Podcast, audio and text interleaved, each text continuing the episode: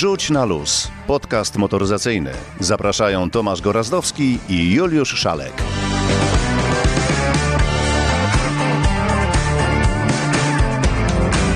Dzień dobry, witamy. Nie wiadomo, czy dobry wieczór, czy dzień dobry. Nie Dzień wiadomo, dobry, kiedy dzień to pójdzie. 34 odcinek podcastu Wrzuć na luz. E, Drogi Julku, o czym dziś? Stanowczo 34 i stanowczo dzień dobry. Dzisiaj bardzo dużo tematów, ale wiesz co, tak sobie, bo dzisiaj jechałem y, długo samochodem i mam takie przemyślenia, że brakuje mi takiej rozmowy na początek. Co słychać, Tomku? Ja też e, pokonałem mnóstwo kilometrów w ciągu ostatnich dwóch dni Ale nie pokonaliśmy ich razem. Do Zgorzelca i z powrotem i powiem ci, że zestarzałem się o kilka lat na autostradzie A2, A4, A1 i tak dalej. Ale to jednak byliśmy w podobnych miejscach, bo ja taki miałem Byliśmy, tur. y, Byliśmy w podobnych miejscach, ja tak przez Poznań, Kra Katowice, Kraków i do Warszawy. Otóż y, zmienił się trochę mój stosunek do kierowców tirów. A na ciężarówek. lepsze? No, raczej nie bardzo. A jak y, z Etolem sobie poradziłeś, powiedz? Z czym? Aha, czyli nie płaciłeś za autostrady, dobrze, to przyjdzie list w tej sprawie. D- Ale nie, nie- do Zgorzelca nie musiałeś. Nie. A, ty Tylko kawałeczek A2, a potem w dół ciach, ciach, ciach. Więc nie płaciłem, nie radziłem sobie, nie chcę sobie radzić. Natomiast nie radziłem sobie z kierowcami ciężarówek, którzy kilometrami się wyprzedzają, żeby jechać o kilometr szybciej niż ten, którego wyprzedzają. Jaki to ma sens? No to jest najlepsza zabawa. blokowanie wszystkiego po horyzont, po to, żeby nawet jeżeli on jedzie z Warszawy do Gdańska i jedzie o kilometr szybciej niż ten, to o ile szybciej on przyjedzie? Ale ja tutaj ci powiem e, taką. Coś bo ja mam przyjemność, mam przyjemność posiadania kategorii prawa jazdy na właśnie ciężarówki, bo tiry wiesz, że to nie można tak mówić, bo to jest nieprofesjonalne. Więc na samochody ciężarowe. I powiem ci, że niesamowitą lekcją pokory i cierpliwości jest jazda takimi samochodami. Nie chcę absolutnie bronić kierowców tirów, ciężarówek, ale wygląda to tak, a miałem przyjemność jechać na przykład z Warszawy do Poznania, że jak z Warszawy wyjeżdżasz za takim facetem, to jest duże prawdopodobieństwo, że do Poznania zanim właśnie dojedziesz. Jedyną frajdą jest wyprzedzić go, ale nie możesz, bo w zasadzie jedziesz tylko kilometr szybciej. No to prawda, ale cóż, zarobki przynajmniej mają przyzwoite. No Tak coś mówią. za coś, coś za coś. Ale nie ma ich w domu. Widzisz, ty nie byłeś w domu przez dwa dni i wyglądasz jakbyś stracił A to pół roku życia. To wszystko No właśnie, mnie nie było też kilka dni, ale już was tutaj nie zanudzamy i przechodzimy do tego, co w świecie motoryzacji jest istotne i co się wydarzyło w tym tygodniu. Otóż, mój drogi, afera wybuchła. Y, Co, tydzień Słyszałeś? jakaś wybucha. Co tydzień wybucha, ale ta afera jest no, na miarę afery Dieselgate, a tak naprawdę to jest druga afera y, spalinowa, w którą tym razem zamieszany jest Mercedes. Przynajmniej tak twierdzi ktoś, kto zbadał, ale to o tym za chwilę. Kolejny temat to jest y, Cupra Formentor VZ5. Niesamowita maszyna, Dlaczego? bo ma dużo koni i dużo kosztuje. Więcej niż ten, o którym mówiliśmy tydzień temu, te 3000 chyba, to więcej mieć zapewne nie będzie. No tydzień nie. temu mówiliśmy również o Elonie Masku, no i nie daje o sobie zapomnieć. Wiesz, że zrobił taką sondę, czy ma sprzedać 10% Tesli, czy nie ma sprzedać i Jak akcja? 50, 50, nie wiem jak akcja, ale 52% głosujących powiedziało, że powinien sprzedać. Powiedział, że w tym świecie, w którym nikt nie dotrzymuje słowa, on słowa dotrzyma i sprzeda Nie wierzę. a że sprzeda po to, żeby zapłacić podatek od wzbogacenia i żeby po prostu przestali się czepiać, że Elon jest taki bogaty, a nic, a nic nie płaci. No więc o tym już nie będziemy mówić, bo właśnie powiedzieliśmy. Jak znam Maska, a nie znam Maska, to na pewno ma w tym jakiś ukryty cel. Ale ja mam, mój drogi temat dla ciebie, temat piłkarski. Pośrednio oczywiście. Chociaż słyszałem, że nasi kopacze coś tam w tym tygodniu. Z Andorą jutro. Przegramy? Tradycyjnie? Wynik jest sprawą otwartą. Dobrze. To ja mam y, przyjemniejszą stronę y, piłki nożnej. Pewien zmarły niedawno piłkarz, tak naprawdę jego rodzina, wyprzedaje jego samochody. Opowiem ci jakie i co więcej, powiem ci, jaki powinieneś kupić. Dobrze, jeżeli chodzi o samochody, o jazdę szybszą, to Ania Gańczarek rozmawiała z Leszkiem Kuzajem o tym, co wydarzy się w tym roku na torze Modlin. Tam znowu, podobnie jak w zeszłym roku, będą jeździć, będą jeździć szybko, w związku z tym wszyscy ci, którzy to lubią, no powiemy co i jak, co w Modlinie będzie można obejrzeć. A ja szybko jeszcze tylko powiem, że tak. No bo nie możemy nie powiedzieć o y, elektromobilności, więc powiemy o tym, czy ekologiczne samochody, czy produkcja ekologicznych samochodów jest naprawdę ekologiczna. To ciekawe. Ciekawe. Powiemy, y, czy niebawem zniknie z naszego krajobrazu tradycyjna opona pompowana powietrzem. To też ciekawe. I powiemy jeszcze o nowym modelu Alfy Romeo, bo wydaje się, że szefowie Alfy przebudzili się i zapowiadają tutaj no, niesamowitą inwazję nowych modeli. To mniej ciekawe.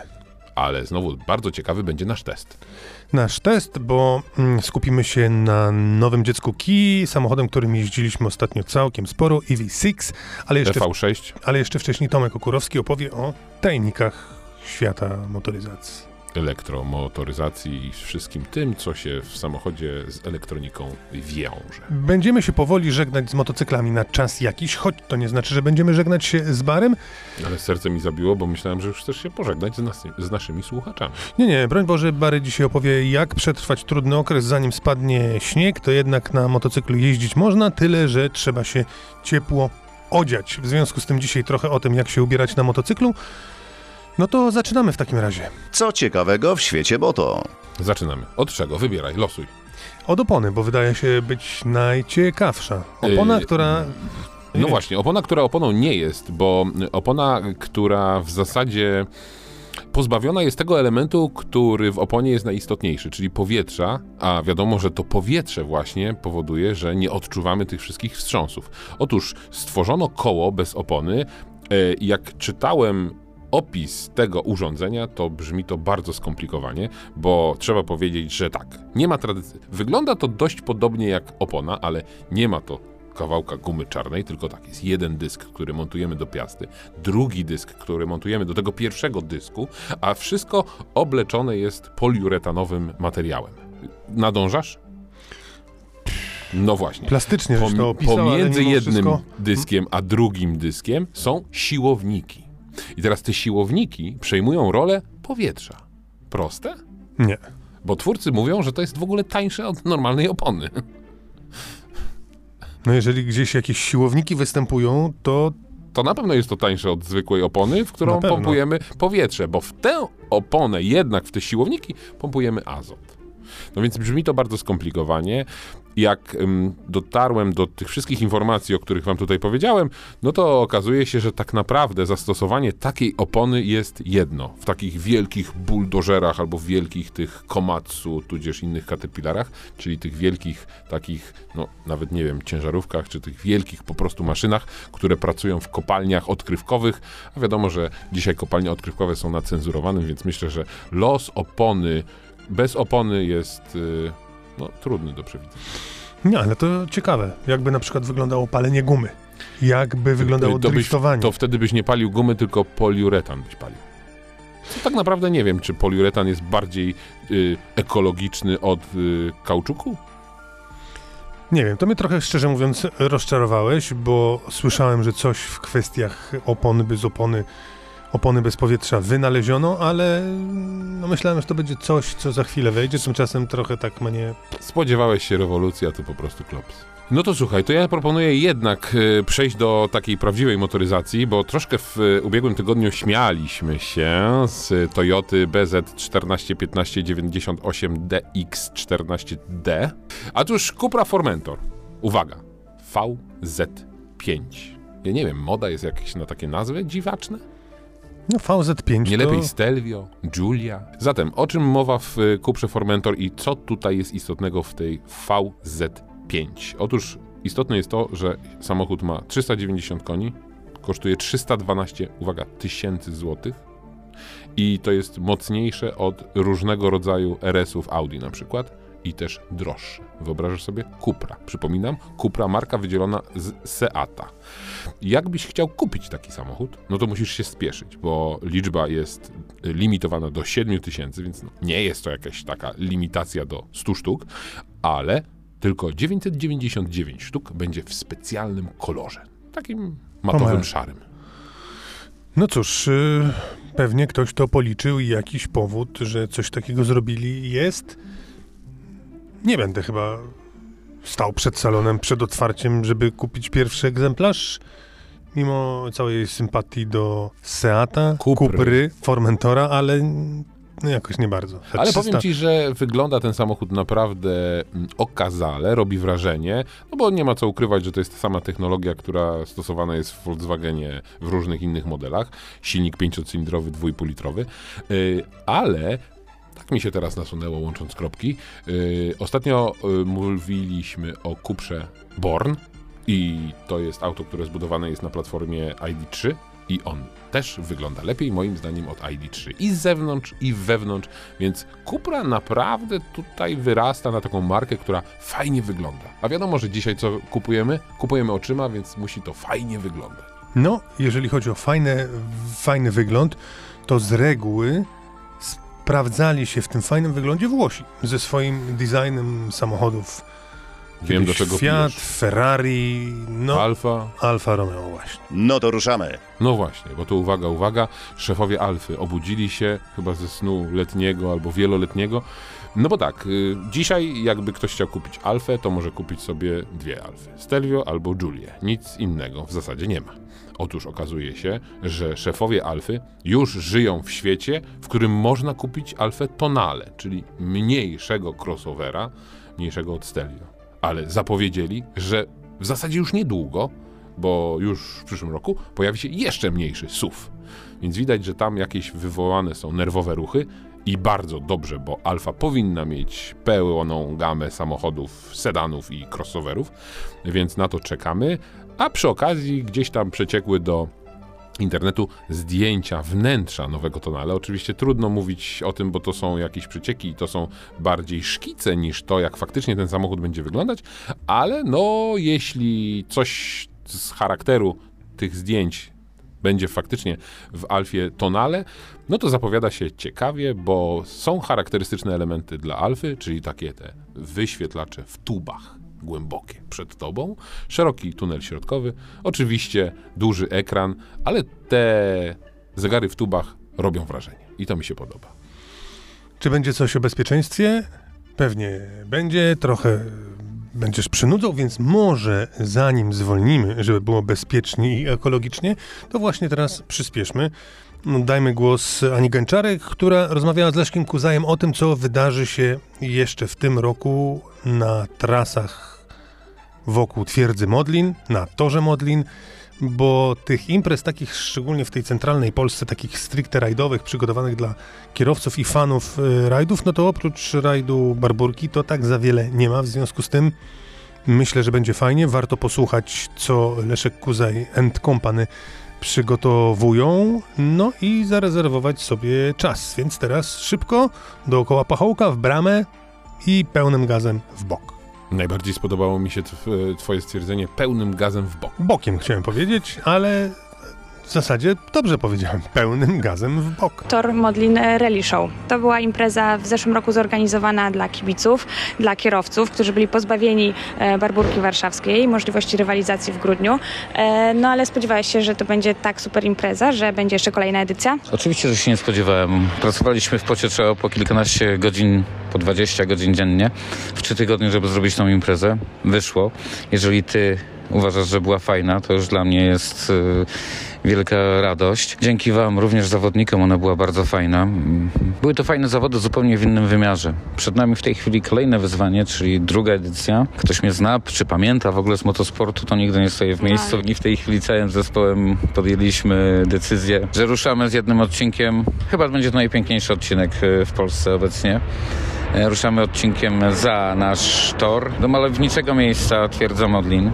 Bardzo wymagający odcinek, długi odcinek, wszystkie rodzaje nawierzchni, od asfaltu poprzez e, kostkę brukową, betonową, hopy, wjazdy przez bramy, wyjazdy przez bramy. No słuchajcie, naprawdę sam robię trasę i zrobię wszystko, Ale żebyście się nie nudzili. I oczywiście odcinki na torze Modlin, które będą przekonfigurowane.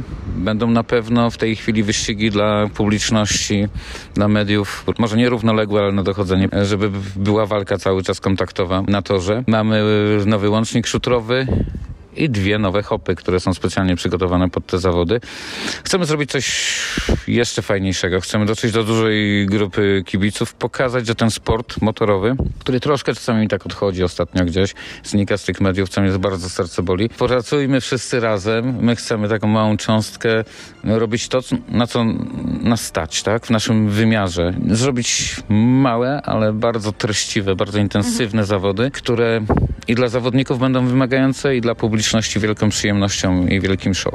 I chyba też e, dla organizatora, ale powiedz mi, jest szansa zobaczyć Ciebie na przykład e, w rajdówce i przypomnieć kibicom e, właśnie, jak wygląda Leszek Kucaj w samochodzie, jak jeździ. Są takie plany. Oczywiście raczej nie pojadę całego rajdu z jednej prostej przyczyny. Muszę coś poświęcić, a ponieważ kiedyś przestałem być zawodnikiem, więc dla mnie to nie jest priorytet. Dla mnie w tej chwili wy zawodnicy jesteście priorytetem. Jeżeli cokolwiek y, po swojej całej przygodzie sportowej mogę zrobić coś dla was, coś fajniejszego mm, i w- ta idea, którą mam od kilkunastu lat, mo- możemy ją wdrożyć tutaj na Torze Modlin, jest dla nas bardzo istotne.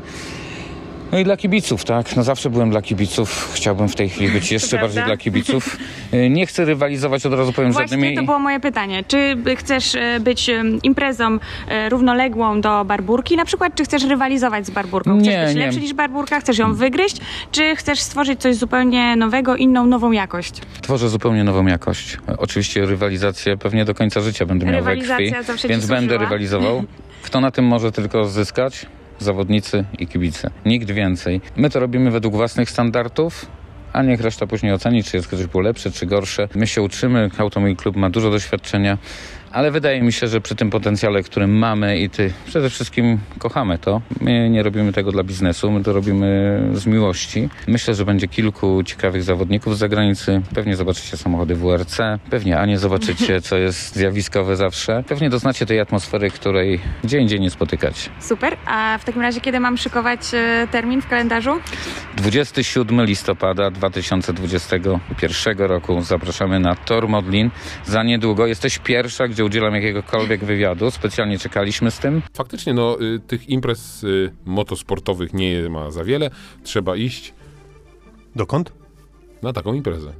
Trzeba, trzeba iść. Będziemy trzymać rękę na pulsie i jeszcze o tym pewnie przypomnimy. A ja ciebie dzisiaj zaskoczę w ogóle, bo dzisiaj w ogóle nie chcę mówić o bezpieczeństwie. W takim razie mówię o zupełnie samochodzie y, nie nowym, bo starym i dobrze y, wszystkim słuchaczom pewnie znanym. Otóż okazało się, że y, Ford, Ford Mondeo jednak wraca, bo miało go nie już chyba. No właśnie, pojawiły się zdjęcia tego samochodu i Ford chyba niesiony na fali sukcesu Forda Mustanga Macha-E, który w ogóle do Mustanga nie jest podobny, ten sam myk zrobił z Fordem Mondeo, bo to nie jest sedan klasyczny, tylko sedano-crossover, bym powiedział. Taki trochę napompowany samochód. Y, Wygląda świetnie. No, w zasadzie dość nowocześnie, zgodnie z trendami y, współczesnego projektowania samochodów. Y, środek też jest, y, no, taki bym powiedział, przejrzysty, komfortowy i napakowany różnego rodzaju wyświetlaczami. Ktoś policzył, że jakby wszystkie przekątne zliczyć, to wychodzi, że ten samochód ma ekrany o przekątnej 40 cali, więc taki duży telewizor domowy. Oczywiście te wyświetlacze są takie centralne przed, na całej desce, na całej długości deski rozdzielczej. Ale co jest najważniejsze? No bo mówiliśmy, mówiliśmy nawet, że Forda Mondeo nie będzie. I powiem więcej, nawet prezes Forda w Polsce powiedział, że no w zasadzie mamy rację. Okazuje się, że Ford Mondeo będzie, ale póki co w Chinach. No właśnie, o tym mówiłem. Ale jeżeli ktoś będzie chciał ściągnąć z Chin Forda Mondeo, będzie pewnie mógł to zrobić, a ja bym tam wolał takiego starego Bronco. Bardzo mi ja bym nawet mógł podoba. mieć nowego Bronco. Nowy Bronco. A ty masz y, starego Bronco żółtego. Cały czas stoi.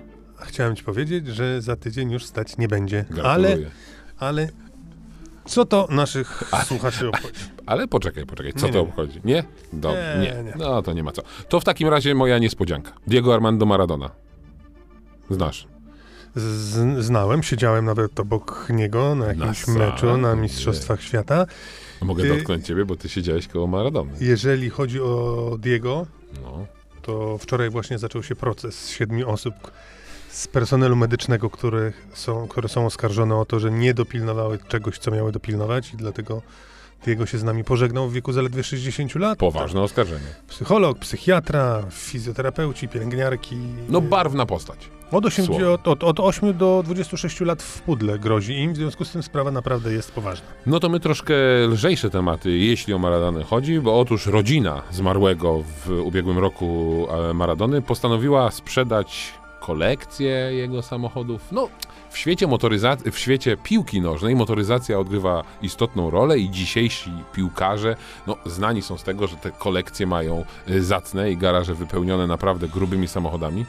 Szczerze mówiąc, to jestem bardzo ciekawy, co w garażu miał Diego, no bo y, Ronaldo, okej, Messi, właśnie. Ronaldo, Lewandowski, oni tam mają Grube fury, grube fury. grube fury, natomiast jakoś nigdy wcześniej się Maradony z samochodami nie kojarzyło, raczej jakiś tam 132 Mirafiori być może, coś w ten deseń, dobrze, dobrze kombinuję? Dobrze kombinujesz, tym bardziej, że przecież Maradona dni swojej chwały miał wiele, wiele lat temu. Otóż, już tutaj nie y, trzymając nikogo w napięciu, można sobie kupić na przykład Hyundai'a H1. To taki jest Hyundaiowy multivan. Samochód Diego Armando Maradony. No dobrze, widzę twoją minę, więc można kupić BMK. 750i z 2017 roku, więc to wcale nie jest stary samochód. Yy, no i to jest w zasadzie seryjne auto. Moment, jak z 2017 roku, to kiedy nim Diego jeździł? No jak to kiedy? No zmarł w ubiegłym roku. A, czyli taka ostatnia jazda Tak, już... no ostatnio. Nie, to ja raczej tak kombinowałem samochód z czasów, kiedy podbijał Neapol, kiedy zdobywał z Napoli Mistrzostwo Włoch. No to te samochody już niestety zostały sprzedane dawno temu na poczet długów mistrza. No, szkoda. No właśnie. Więc była ta BMK, a najfajniejsza to jest M4 z 2016 roku, która ma przejechane zaledwie 5900 km. Jak twierdzi rodzina, wszystkie kilometry przejechał Maradona. Więc możesz kupić, auta trafiają na aukcję 19 grudnia, można licytować, można, no w zasadzie, posiadać auto, którym jeździł Diego Armando Maradona. To ciekawe i szczerze mówiąc, no taka BMK nic specjalnego, ale poprzez to, że Diego w nim siedział, no to No sam właśnie. jestem ciekaw, jak bardzo fakt siedzenia w nim przez Diego może podbić wartość auta. Wrzuć na luz, wyluzuj. No to teraz o aferze, słuchaj, bo już pora, y, 18 minut więcej za nami, w związku z A tym tutaj takie tematy, no pora afera. na aferę jak najbardziej. No tak, afera jest y, wcale nie nadmuchana. Okazuje się, że kolejny koncern, który miesza w wynikach y, emisji spalin, y, no to jest Mercedes. Os- oskarżenia bardzo poważne, bo wiemy jak skończyła się, a tak naprawdę jak ciągnie się cały czas za Volkswagenem afera Dieselgate. Przypomnę, że tam chodziło o oprogramowanie, które ma zmniejszać emisję szkodliwych substancji, gdy samochód sam odkryje, że jest w trybie testowym. I w zasadzie tutaj chodzi o podobną rzecz, także o oprogramowanie, które wiadomo w dzisiejszych czasach producenci mogą zmieniać, no choćby y, jak pojawimy się w stacji, w, autoryzowanej stacji, y, a czasami można też to oprogramowanie zmieniać y, na przykład tak jak zmieniamy oprogramowanie w telefonach. Raport przygotowała instytucja, której szefem albo jakby osobą odpowiedzialną za właśnie przygotowanie tego raportu jest niejaki Felix Domke i on zrobił to na zlecenie amerykańskiej kancelarii prawnej, która właśnie y, mocno jest zaangażowana w całą aferę Dieselgate. Wiadomo, że trochę jest tak, że jak, jak afera Dieselgate wybuchła, to no, wszyscy producenci tak y, hmm, z zaciekawieniem patrzyli w stronę Volkswagena, nikt się nie wychylał, a to świadczyć może o tym, a były takie też y, sugestie i domniemania, że tak naprawdę wszyscy stosują podobnego rodzaju oprogramowanie, ale akurat Volkswagena y, Amerykanie chwycili za ręce. I tutaj y, w zasadzie pan Domke mm, buduje całą aferę na przebadanym tylko jednym samochodzie. To jest trochę mało.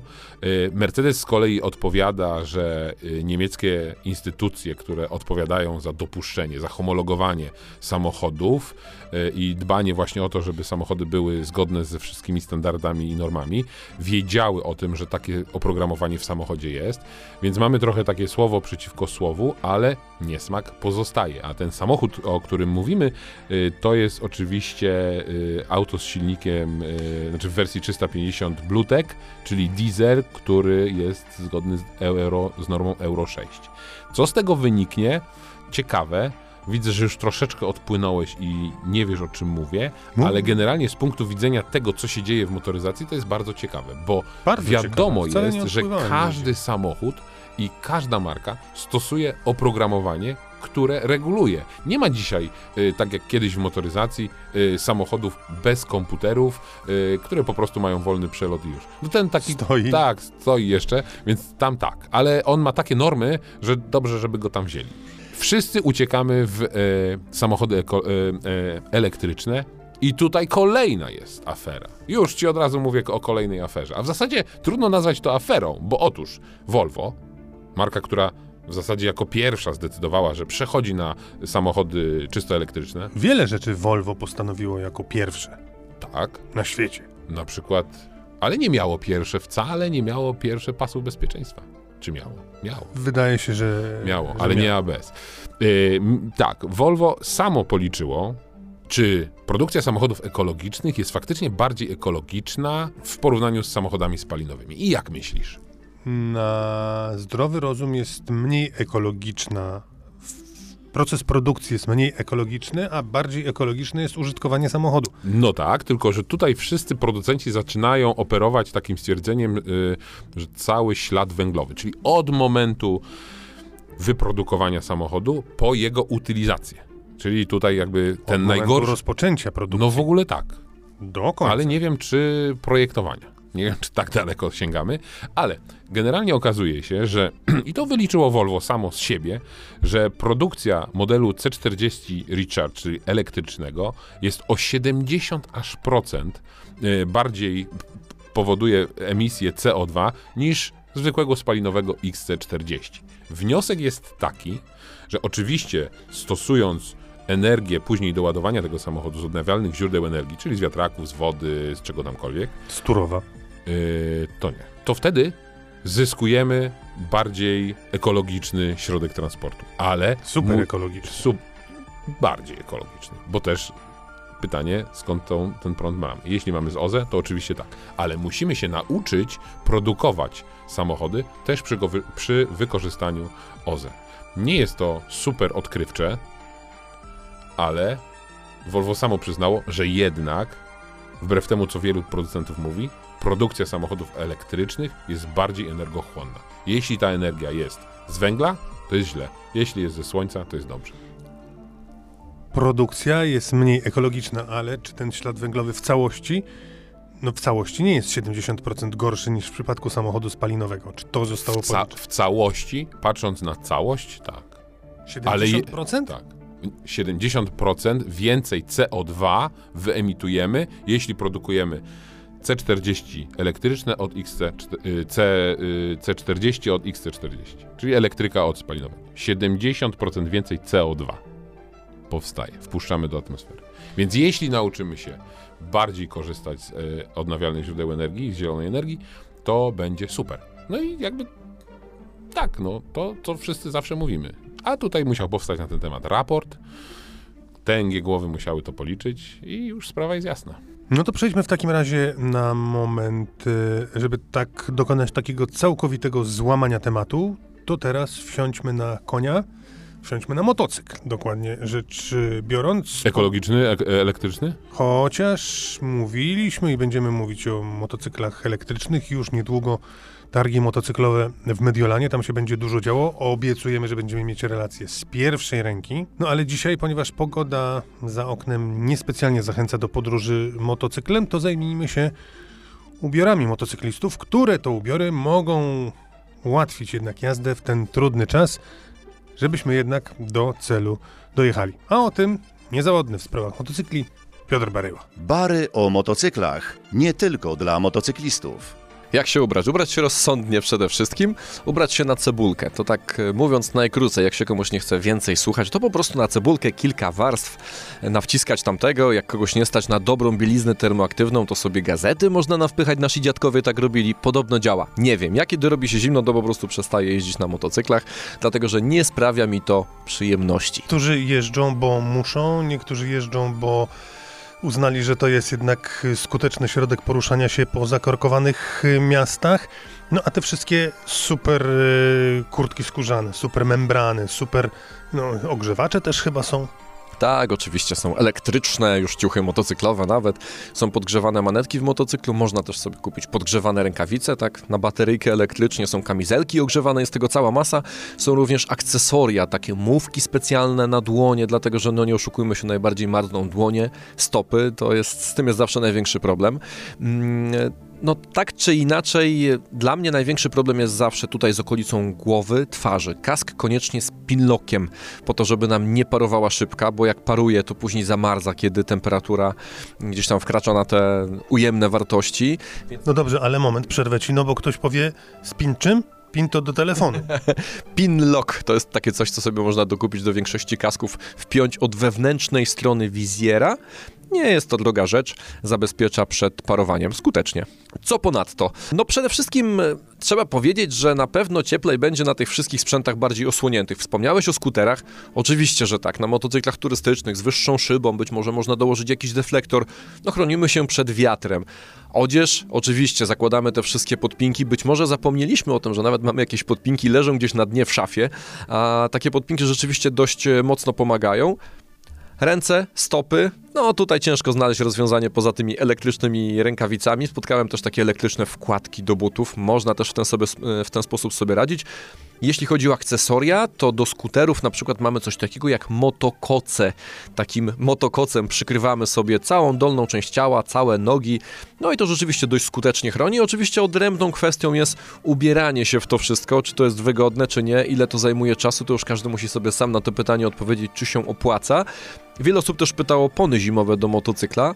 No ja nie spotkałem się, żeby ktoś zmieniał opony na zimowe w motocyklach, natomiast w skuterach tak, ten rynek opon zimowych do skuterów e, rośnie. On jest maleńki, gdzieś tam raczkuje dopiero, ale rzeczywiście w ofercie takie zimowe opony do skuterów e, z bardziej miękką mieszanką na niskie temperatury można już znaleźć. No tak, ty mówisz na cebulkę i no muszę ci uwierzyć, bo to ty jesteś tutaj ekspertem i przejechałeś tysiące kilometrów, ale z drugiej strony jak słyszę o tych elektrycznych ciuchach, to przecież cieniutka kurteczka, cieniutka podpinka z jakąś tam siateczką elektryczną, to jest dopiero rozwiązanie. Włączasz sobie na trzeci bieg, yy, jest za gorąco, wyłączasz sobie tak jak z podgrzewaniem foteli w samochodach, możesz sobie wszystko elegancko dopasować do ciała. Czy to nie jest właśnie to super rozwiązanie? Oczywiście, że to jest to super rozwiązanie, ale wiesz jak to jest, takie wynalazki kosztują, więc tutaj staram się podpowiedzieć też tym, którzy nie chcą wydawać za chwileczkę majątku na odzież motocyklową, bo na przykład kupili sobie używany skuter za 5000 zł, no i co, ja mam im mówić, żeby sobie teraz kupili ciuchy za kolejne 5000 zł, to takie osoby muszą się ratować jakimiś tam po prostu cieplejszymi ciuchami pod spodem. I jeżeli chcą, żeby im było ciepło, to za 5000. Oczywiście można i tak. Ja dodam jeszcze tylko na koniec, że nie tylko ubrania, nie tylko ten pinlock w kasku, nie tylko akcesoria, czy tam podgrzewane manetki, inne podgrzewane rzeczy, jak na przykład podgrzewana kanapa w turystycznych motocyklach, bo taka też jest, ale też troszeczkę inny styl jazdy. Musimy pamiętać o tym, że te niższe temperatury to jednak słabsza przyczepność, że jakieś liście spadają na drogę, mm, że jest po prostu bardziej ślisko, co tu dużo mówić. No i w związku z tym warto jeździć troszeczkę spokojniej, zachować większe dystanse i tak dalej, i tak dalej. No, wiecie, co mam na myśli. Więc miłośnicy samochodów y, mają swoje, miłośnicy motocykli mają swoje, już szykują się na te targi mediolańskie. A ci od targów samochodowych? No ci od samochodowych są nieco w gorszej sytuacji, bo tak. Nie lubię mówić o imprezach, które były, a w ubiegłym tygodniu w Poznaniu było Retro Motor Show, duża impreza poświęcona samochodom zabytkowym, youngtimerom, klasykom.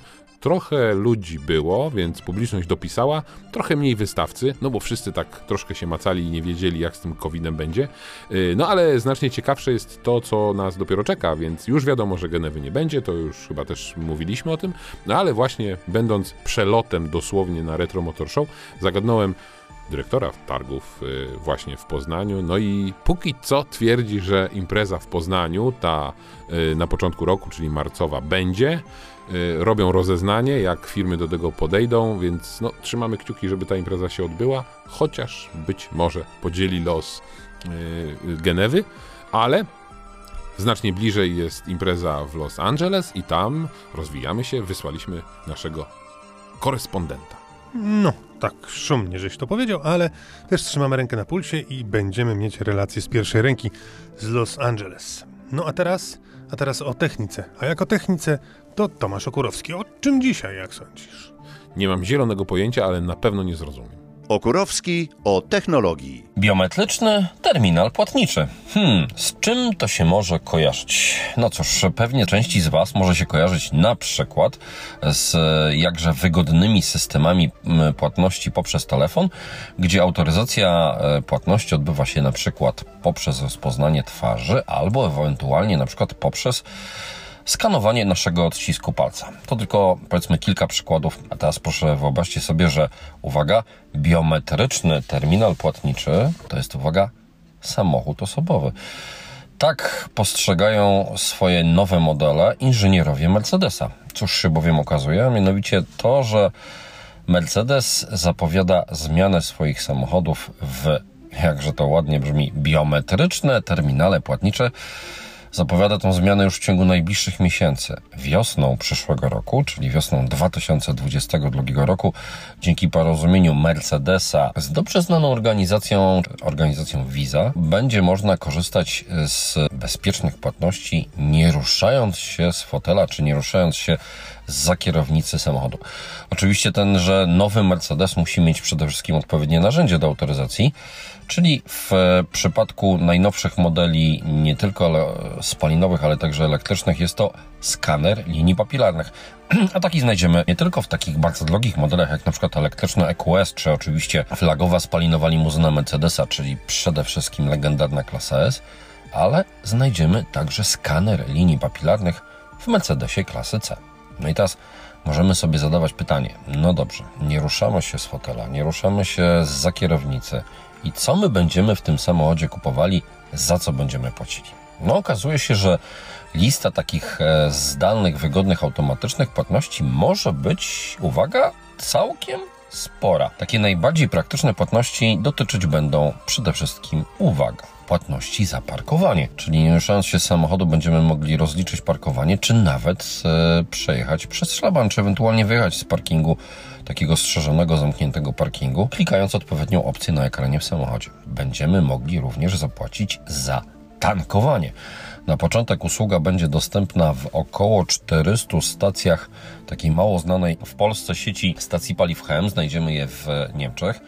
Zapewne kolejne sieci dołączą do tego projektu w ramach płatności Mercedesa, bo no, hmm, trudno nie wzgardzić klientem, który może sobie pozwolić na nie tylko na nową klasę C, ale przede wszystkim na klasę S, czy ewentualnie Mercedesa EQS. To przynajmniej w przypadku rozliczeń, jeżeli chodzi o ładowanie akumulatorów. Mercedes połączy system zdalnych płatności także z tym, co już znajdziemy na przykład w aplikacji do zarządzania samochodem, czyli innymi słowy w ramach całego pakietu usług o dość wymownej nazwie Mercedes Mi. A co oznacza ten wygodny pakiet usług? Mercedes Mi to jest nic innego jak po prostu dostęp do takich opcji, dzięki którym możemy na przykład wzbogacić funkcjonalność samochodu. I uwaga, to może być na przykład abonament na informacje o korkach. Nawet mogę podać cenę. W przypadku polskiego sklepu Mercedes Mi taki roczny abonament za tak zwany trafik online, czyli informacje o ruchu drogowym odświeżane na bieżąco, to jest 260 zł. Wydaje się niewiele, mając szczególnie na uwadze cenę nowego. Za uruchomienie pakietu z nawigacją zapłacimy podobną kwotę. Jedną z najdroższych opcji, jaką udało mi się znaleźć e, w polskim sklepie Mercedes Mi, była, uwaga, opcja, która jest wyceniona na 459 zł za jeden rok. A tyle kosztuje funkcja, która się bardzo ciekawie nazywa pomoc w razie kradzieży pojazdu. To jest nic innego jak po prostu funkcja odnajdywania skradzionego samochodu, czy lokalizowania samochodu, który niestety zmienił właściciela i gdzieś tam już powiedzmy znajduje się w rękach amatorów cudzej własności. 459 zł za rok, ale już w przypadku abonamentu trzyletniego już trzeba będzie wysupać 1159 zł. I teraz wyobraźcie sobie, te wszystkie płatności dokonujemy poprzez ekran w samochodzie, nie ruszając się za kierownicy i wystarczy tylko zaskanować nasz odcisk palca. Nie boli, dopóki nie spojrzymy na rachunek i saldo naszego konta. I to z pewnością będzie jedna z tych najbardziej niemiłych e, wiadomości w tej historii o wygodzie, jaką wnosi Mercedes i Visa w ramach nowej współpracy. Mercedes prawdopodobnie będzie pionierem, jeżeli chodzi o wprowadzenie do seryjnie produkowanych aut. Niemniej, Podobne projekty realizowane są i testowane już na całym świecie. Od kilku lat e, rozwija swoją usługę m.in. na przykład Ford w ramach programu Ford Pass. Bardzo ciekawy pilotażowy projekt prowadzi na przykład za oceanem Honda razem również z Wizą gdzie wystarczy podjechać e, do wskazanej sieci stacji paliw, e, pozwolić tak zwanemu pompiarzowi, żeby nam zatankował samochód, a my właściwie jedyne co musimy zrobić to nie ruszając się z fotela e, kierowcy, nie ruszając się z kierownicy, wystarczy tylko mm, zaakceptować płatność i wskazać numer dystrybutora, z którego nam zatankowano samochód. On zawsze jak coś powie, to daj spokój, nie? Ale ja w tym, tym razem zrozumiałem. No to teraz przejdźmy do naszych wrażeń. Opowiadaliśmy o tym, że jeździliśmy Kiją EV6. Ty się upierasz, że EV6. Jak go zwał, tak go zwał. Samochody za moment wyjadą na drogi. Pierwsi właściciele będą cieszyć się tym samochodem. A my opowiemy, jak nasze wrażenia. No to spróbujmy. Nasz test. No więc jak nasze wrażenia? Nasze wrażenia, nie wiem czy się z tym zgodzimy, mnie się wydaje, że to będzie samochód, który cieszyć się będzie dużą popularnością. Nie chciałem powiedzieć hit, bo to wszystko jest hit, wszystko jest kultowe, wszystko jest lipne. Natomiast to jest samochód, który za te pieniądze, które trzeba będzie za niego zapłacić i za to, co oferuje, 170 tysięcy w podstawie. samochód elektryczny, którego zasięg wynosi tam od 400 do, do, do 500 czy nawet plus kilometrów, no to jest samochód, w którym nie trzeba się codziennie martwić o, o ładowanie. Tym bardziej, że mówiliśmy już o tym wcześniej, te, ten proces ładowania też został znacznie przyspieszony.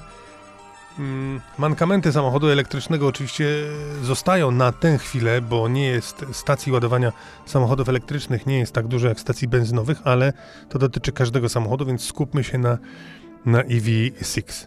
Ja powiem dla porządku. 170 koni mocy to jest napęd na jedną oś, yy, pojemność baterii 58 kWh, czyli to jest, no bo trzeba gdzieś tam odnieść do konkurencji, czyli to jest dobra średnia, tak jak wszystkie samochody z rodziny Volkswagena, yy, trochę mniej niż na przykład Ford Mustang Mach-E, ale to jest większy z kolei samochód. Przyspieszenie do setki 8,5 sekundy, no i właśnie ten zasięg, o którym powiedziałeś, czyli w tej najmniejszej baterii ponad 400 km, to jest wynik lepszy niż przeciętny, czyli wynik dobry.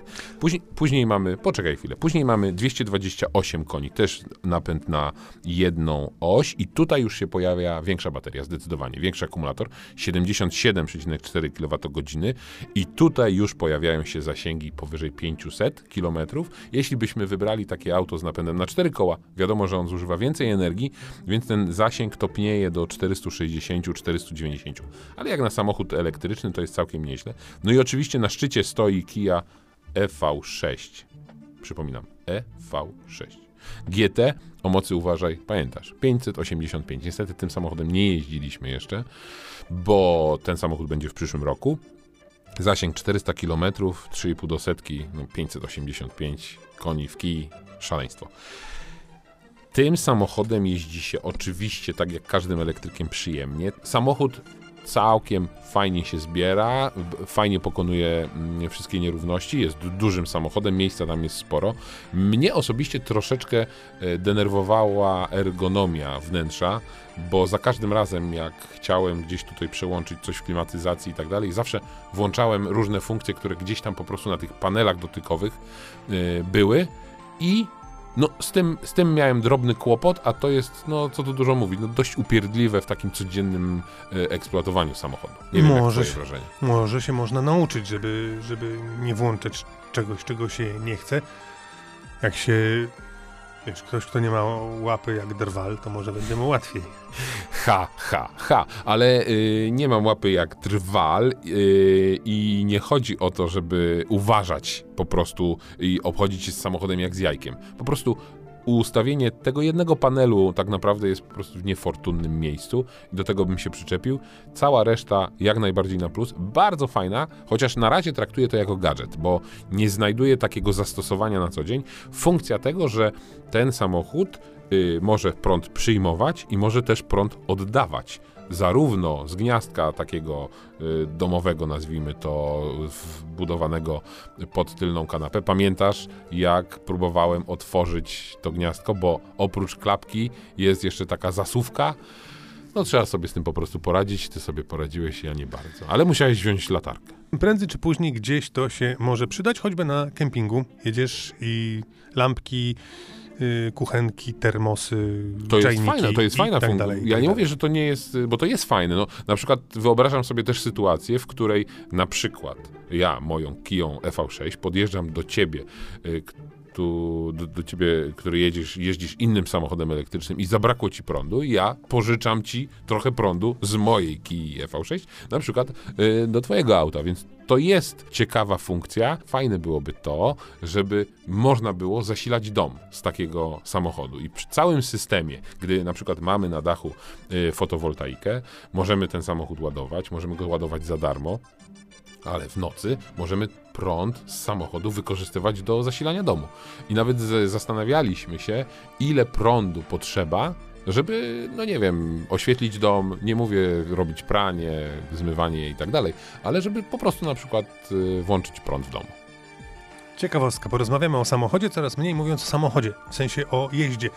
A skupmy się jeszcze na chwilę na jeździe, bo Proszę tak, cię. byliśmy zadowoleni z tego, jak ten samochód jeździ, prawda? Tak. Poruszaliśmy się różnymi drogami, e, jest cicho, jest sprawnie, szybko, jest wygodnie.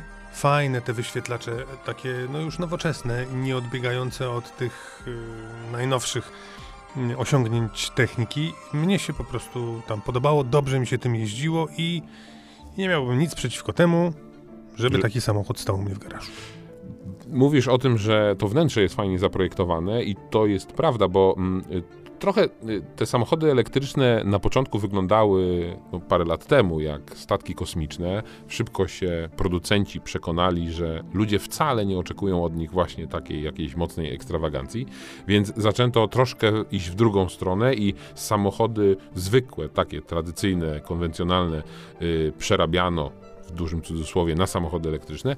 Tutaj Kia znalazła swoją drogę i widać, że jak wsiadasz do tego samochodu, to nie jest tak, że przed tobą są wyświetlacze zaadoptowane z normalnego samochodu, tylko faktycznie to jest cały taki panel y, sięgający ponad, poza połowę deski rozdzielczej y, z wyświetlaczami. Są to oczywiście dwa wyświetlacze, nie są one połączone y, jakby fizycznie wyświetlacze, to jest cała taka tafla, więc mamy te funkcje rozdzielone. Bardzo fajny, bardzo fajne rozwiązanie, bo mm, no oczywiście guzikologia gdzieś tam odchodzi na dalszy plan, ale ten panel klimatyzacji, który w pewnym momencie jest panelem klimatyzacji, po przyciśnięciu przycisku staje się panelem do sterowania radiem. Więc to jest naprawdę fajna funkcja, bo tak naprawdę oszczędza nam miejsce.